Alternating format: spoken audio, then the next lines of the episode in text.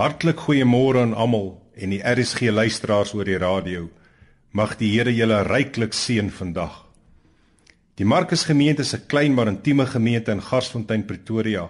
Ons is interkerklik en streef daarna om samewerking en eenheid binne die groter liggaam van Christus te bevorder. Ons kuier graag saam na die erediens om so mekaar te geniet en te waardeer. Ons is nou midde in die Kersseisoen. Kersfees is oor 'n paar dae. Kom ons kyk net weer terug vanoggend na Paasfees in die kruis sodat ons Christus se koms en geboorte waarlik kan waardeer hierdie Kersseisoen. My tema vanoggend is die 8 kragpunte van die kruis. En ons skriflesing kom uit 1 Korintiërs 1 uit. Kom ons bid net saam. Hemelse Vader, dankie vir die kruis en vir wat Jesus vir ons alles daar gedoen het. Help ons om dit alles beter te verstaan en die krag daarvan in ons lewens daagliks te ervaar in Jesus naam. Amen. Kom ons loof nou die Here deur saam te sing lied 219. Laat ons sing van ons verlosser.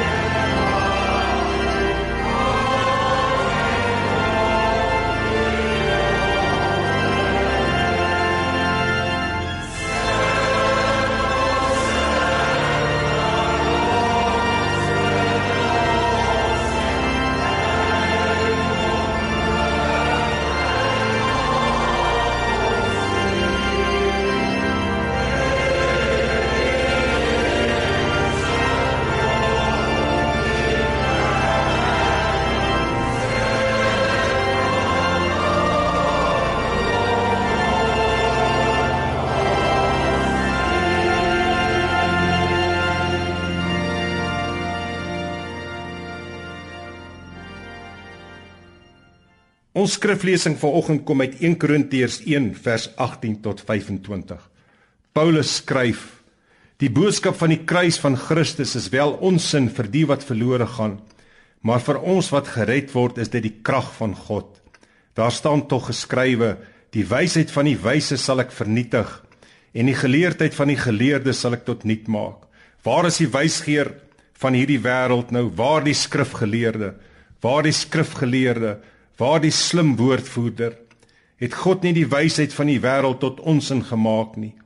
Dit was die bedoeling van God in sy wysheid dat die wêreld net deur geleerdheid tot kennis van God sou kom nie. Daarom het God in sy goedheid besluit om deur die prediking wat vir die wêreld onsin is, die te red wat glo. Die Jode vra wondertekens en die Grieke soek wysheid, maar ons verkondig Christus wat gekruisig is.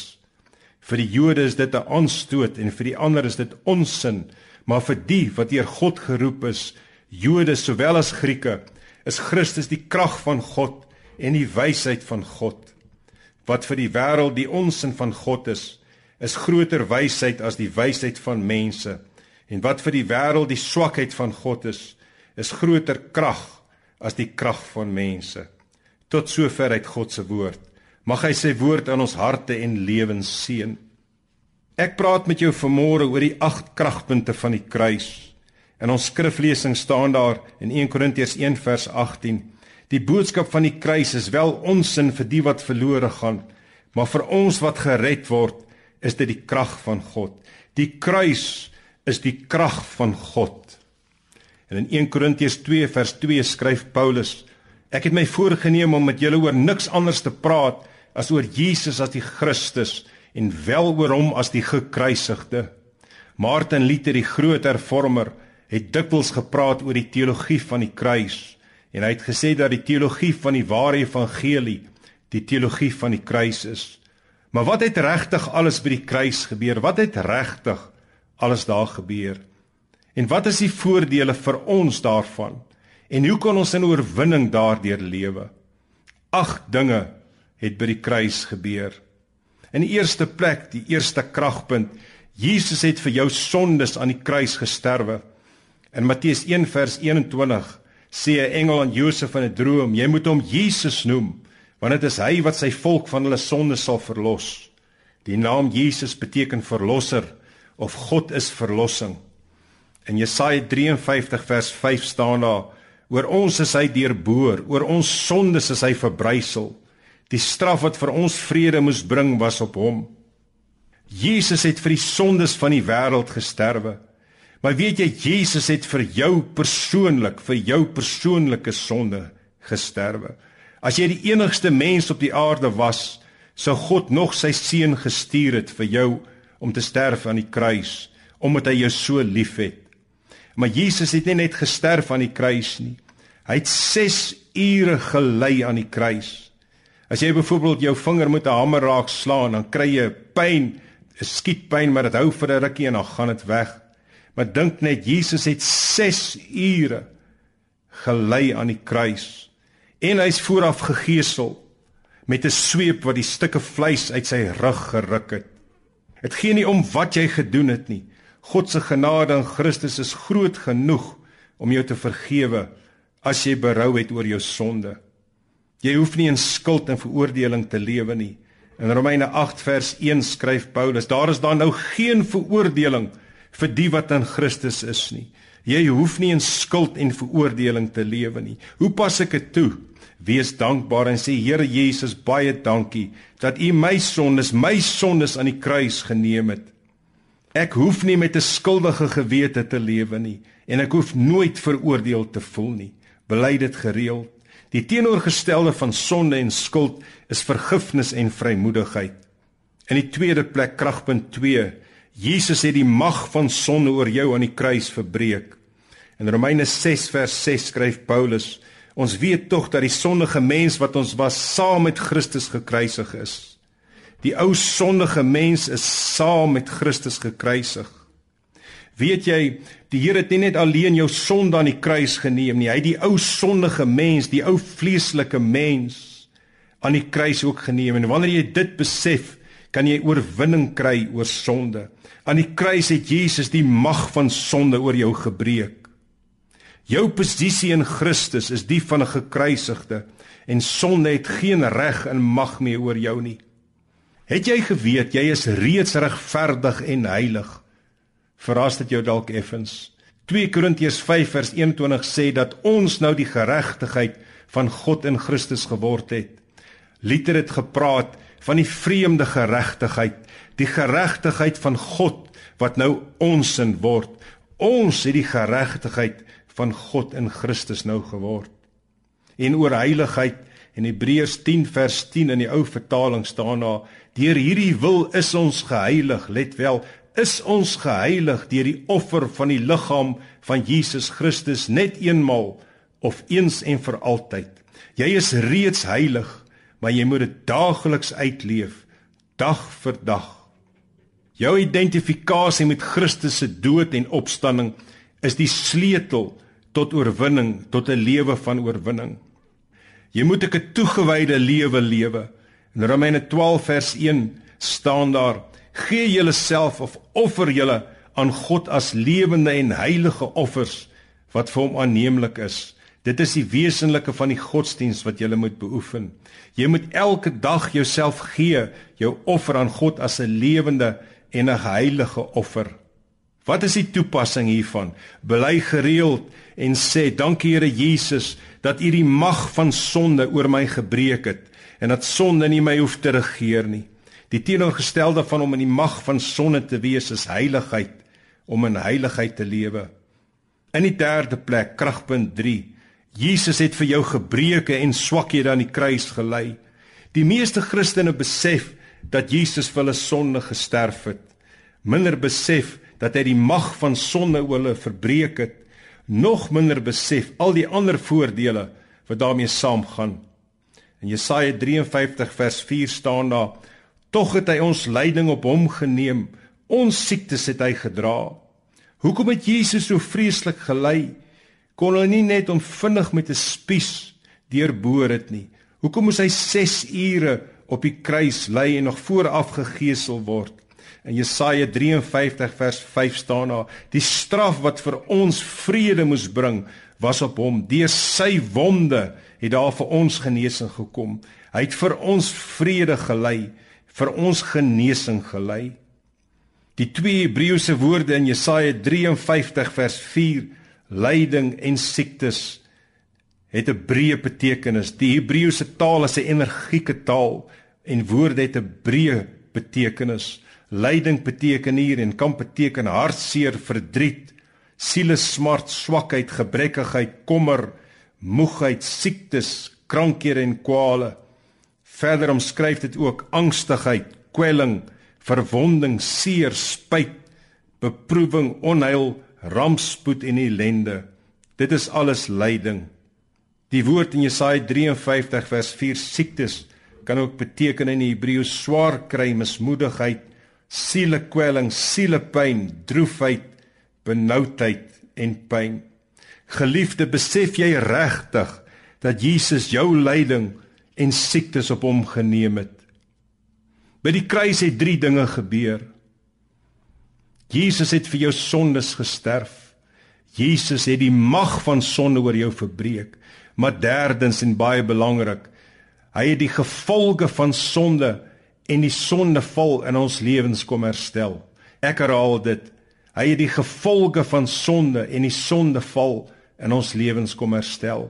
Dinge soos sonde, vleeslikheid, wêreldsheid, selfgerigtheid, selfsug, swakheid, siekte toestande, gebrokenheid, vestings van die vyand, vloeke, tekortkominge en armoede. En is oor hierdie dinge wat ek die res van die preek bietjie wil praat. Wanneer ons die evangelie verkondig, moet ons altyd die volle evangelie verkondig vir die hele mens. Evangelie beteken goeie nuus en is dit nie waarlik goeie nuus nie?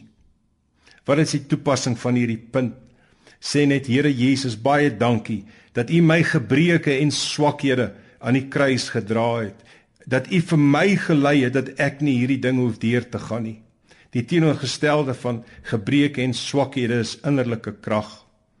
In die 4de plek kragpunt 4. Jesus het jou siektes aan die kruis op hom gedra. Vriend, God wil hê dat jy 'n gesonde mens moet wees, soos enige goeie vader vir sy kind wil hê. Genesing is deel van ons versoening in Christus. Dawid sê reeds in Psalm 103 vers Ek wil die Here loof en nie van een van sy weldade vergeet nie. Dit is hy wat al my sonde vergewe, wat al my siekte genees. In Matteus 8 vers 17 staan daar van Jesus: "Toe dit aand geword het, het hulle baie wat in die mag van duiwels was vir hom gebring. Hy het die geeste met 'n woord uitgedryf en al die siektes gesond gemaak, soos vervul wat deur die profeet Jesaja gesê het: Hy het ons lyding op hom geneem, ons siektes het hy gedra. Let wel, ons siektes het hy gedra." In 1 Petrus 2 vers 24 staan daar: Deur sy wonde is jy genees. Deur sy wonde is jy genees. Jy hoef slegs in geloof jou genesing te ontvang. Jesus het klaar op die kruis daarvoor betaal. Die Hebreëse manier van dink oor genesing was anders as ons. Genesing het vir hulle beteken die hele mens, nie net die liggaam nie. Genesing van gees, siel en liggaam. En onder die siel verstaan ons vandag die verstand, emosies en die wil. God wil jou hele wese genees. Die Here wil jou ook genees van emosionele verwondheid en slegte herinneringe. Vertrou hom daarvoor. Ons sien in Jesus se eie genesingsbediening in Matteus 4 vers 23. Hy het die mense in die sinagoges geleer, die evangelie van die koninkryk verkondig en elke soort siekte en elke kwaal onder die volk genees. Ontvang vanmôre in die geloof jou genesing vir jou gees, jou siel en jou liggaam. Jesus het alreeds daarvoor met sy lewe betaal. Sit jou hand sommer nou op die plek waar jy kwaal het en sê Here Jesus, baie dankie dat U my sonde op die kruis geneem het, my siekte op die kruis geneem het. Ek ontvang dit. U het dit alreeds gedoen. Ek ontvang dit in die geloof vanmôre in Jesus naam. Kan ek bid? Here ons breek vanmôre in Jesus naam die houvas van siekte, verwondheid en swaarmoedigheid oor die kinders. In Jesus naam vul hulle Here met u blydskap en gee hulle goeie gesondheid. Dankie Here ons prys u daarvoor. Wat is die toepassing hiervan verder? Bly gereeld 1 Petrus 2 vers 24 wat sê deur sy wonde is ons genees. Sê Here baie dankie deur u wonde is ek genees. Ek ontvang hierdie genesing in geloof en doen dit elke dag. Spreek hierdie woord, hierdie teks elke dag uit waar jy dit ook nodig mag hê.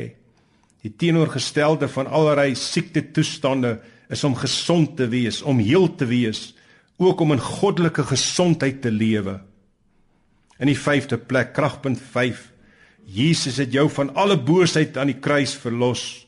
In Matteus 4 vers 24 staan daar: en berigte oor hom dit is Jesus het deur die hele provinsie Sirië versprei. Die mense het toe die siekes met allerlei kwale en pyne, die wat in die mag van duiwels was, let wel, die wat in die mag van duiwels was, geestelike versteurdes en verlamdes na hom toe gebring en hy het hulle gesond gemaak. In Matteus 6 vers 13 leer Jesus ons in die ons Vader om te bid en laat ons nie in versoeking kom nie maar verlos ons van die bose. Die duiwel het twee slinkshede. In die eerste plek wil hy mense laat glo dat hy nie regtig bestaan nie. En in die tweede plek wil hy mense laat glo dat hy geweldig magtig is as hulle bewus van hom is. Soos baie in die flieks uitgebeeld word en wat 'n leuen is, wat nonsens is. In Hebreërs 2 vers 14 staan daar van Jesus, dit het hy gedoen om deur sy dood die een wat mag het oor die dood, dit is die duiwel te vernietig. Let wel hier, om deur sy dood die een wat mag het oor die dood, dit is die duiwel te vernietig. Die duiwel se mag is kwai ingeperk deur Here Jesus. Hoe opereer die bose in ons lewens? Hoe kry hy hou vas deur versoekings wat tot sonde lei, deur vleeslikheid of ons ou sondige natuur, deur onkundigheid, leuns, ongeloof, twyfel, vrees, verwarring en misleiding. Ook deur vestings, vestings soos vrees, woede, welis, alkoholverslawing, tabakverslawing, dwelms, pornografie, geweld, dobbel en ja, kos ook. Wat is die toepassing hiervan? Bly vandag nog jou sonde en swakhede voor God en verwerp en breek so die mag van die duiwel oor jou lewe. Die teenoorgestelde van die bose is verlossing en vryheid. In die 6ste plek, kragpunt 6. Jesus het die mag van die wêreld aan die kruis oor jou verbreek. In Galasiërs 1 vers 3 tot 4 skryf Paulus: Genade en vrede vir julle van God ons Vader en die Here Jesus Christus wat homself vir ons sondes gegee het om ons te verlos uit hierdie goddelose wêreld. Ken jy hierdie teks? Let wel, om ons te verlos uit hierdie goddelose wêreld en so die wil van God ons Vader te volbring. Jesus het die mag van die wêreld oor ons aan die kruis verbreek. In Kolossense 1 vers 13 staan daar: Hy het ons uit die mag van die duisternis weggeruk en ons onder die heerskappy gestel van sy seun wat hy liefhet. Ons is 'n nuwe mensheid in Christus. Jy is 'n nuwe mensheid in Christus. In Efesiërs 2 vers 15 staan dit dat Jesus die Jode en die nie-Jode tot een nuwe mensheid verenig het, tot een nuwe mensheid. En in 2 Korintiërs 5 vers 17 tot 18 staan daar iemand wat aan Christus behoort is 'n nuwe mens. Die ou is verby, die nuwe het gekom. Die wêreldstelsel het nie meer mag oor jou nie. Wat is die toepassing hiervan? Bid en bely gereeld en sê Here Jesus, baie dankie dat U die mag van die wêreld oor my gebreek het en dat ek nie 'n slaaf van die wêreldstelsel hoef te wees nie.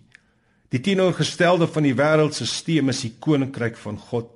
Jy is nie 'n slaaf van die wêreld nie, maar 'n kind van God, 'n kind van die koninkryk.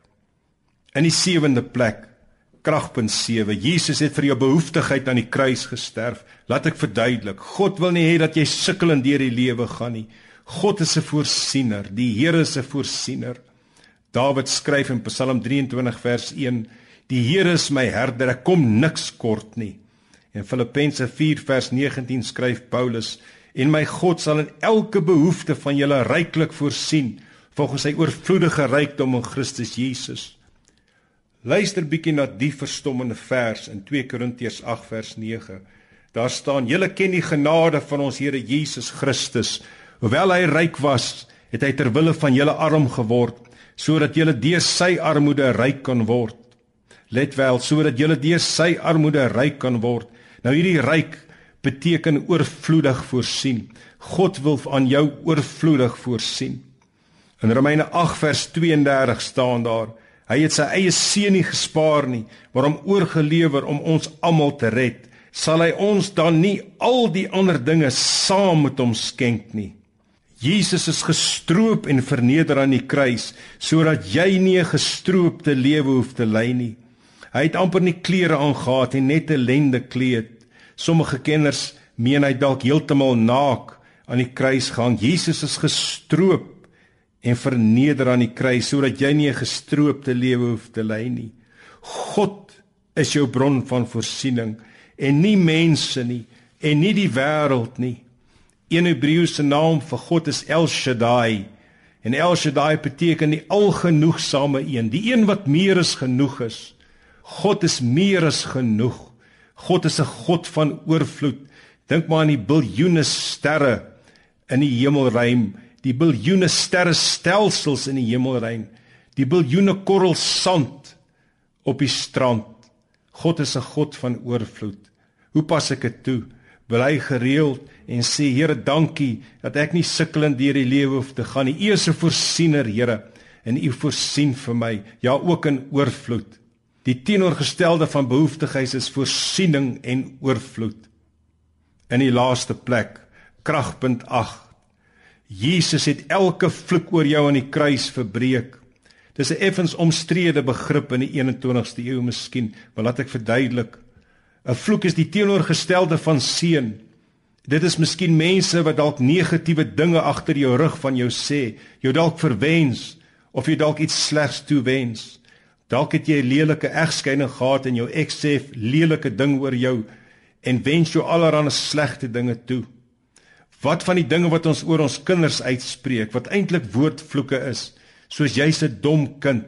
Jy sal nie regtig eers in die lewe kom nie of jy's nie regtig mooi nie. Dit is alles woordvloeke wat ons uitspreek wat die Here nie wil hê ons moet doen nie. In Galasiërs 3 vers 13 staan daar Christus het ons losgekoop van die vloek wat die wet meebring deur in ons plek 'n vervloekte te word. Daar staan naamlik geskrywe vervloek is elkeen wat aan 'n hout opgehang is. Christus het ons losgekoop van die vloek. In Efesiërs 1 vers 3 staan daar: aan God die Vader van ons Here Jesus kom al die lof toe. Hy het ons in Christus geseën met al die seëninge van die Gees wat daar in die hemel is. Die Here wil ons seën. Die Here se wil vir jou is jou welsyn. Jeremia 29 vers 11. In Deuteronomium 28 vers 1 tot 14 is daar 'n lys van seëninge wat oor 'n mens kom wanneer jy God gehoorsaam. Daar staan seëninge sal oor jou kom en jou inhaal. Lees gerus hierdie gedeelte. Ons is nou in Christus. Jy is in Christus, nie meer in Adam nie. Vloeke het geen reg oor jou lewe in Christus nie. Hoe pas ek dit toe? Sê Here Jesus, ek kanselleer alle vloeke in Jesus naam oor my lewe en deur die krag van u bloed. Noem spesifieke dinge wat jy vermoed by die naam. Kan ek bid? Here, ons breek vanmôre in Jesus naam alle boosheid oor die kinders. Elke hou vas en sny elke vloek van hulle lewe af. Dankie Here Jesus, ons prys U daarvoor. Die teenoorgestelde van vloeke is seën. Ons is geseëndes in Christus. Onthou Christus Deuteronomium 28. Daar's eintlik nog 'n kragpunt.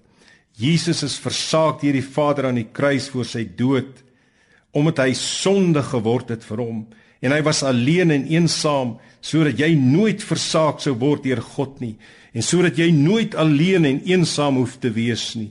God is altyd by jou, nader as jou asemhaling aan jou, nader as jou hartklop aan jou. Ek herhaal die ag kragpunte.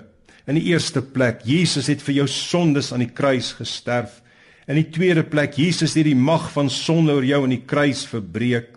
In die derde plek, Jesus het vir jou gebreke en swakhede aan die kruis gelei. In die vierde plek, Jesus het jou siektes aan die kruis op hom gedra. In die vyfde plek, Jesus het jou van alle boosheid aan die kruis verlos. In die sesde plek, Jesus het die mag van die wêreld aan die kruis oor jou verbreek. In die sewende plek, Jesus het vir jou behoeftigheid aan die kruis gesterf. In die agste plek, Jesus het elke vloek oor jou aan die kruis verbreek.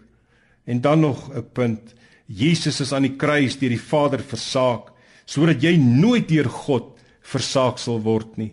Ek sluit af. Jy kan in oorwinning daagliks lewe. Die Here wil hê dat jy daagliks in oorwinning leef deur die krag van die kruis.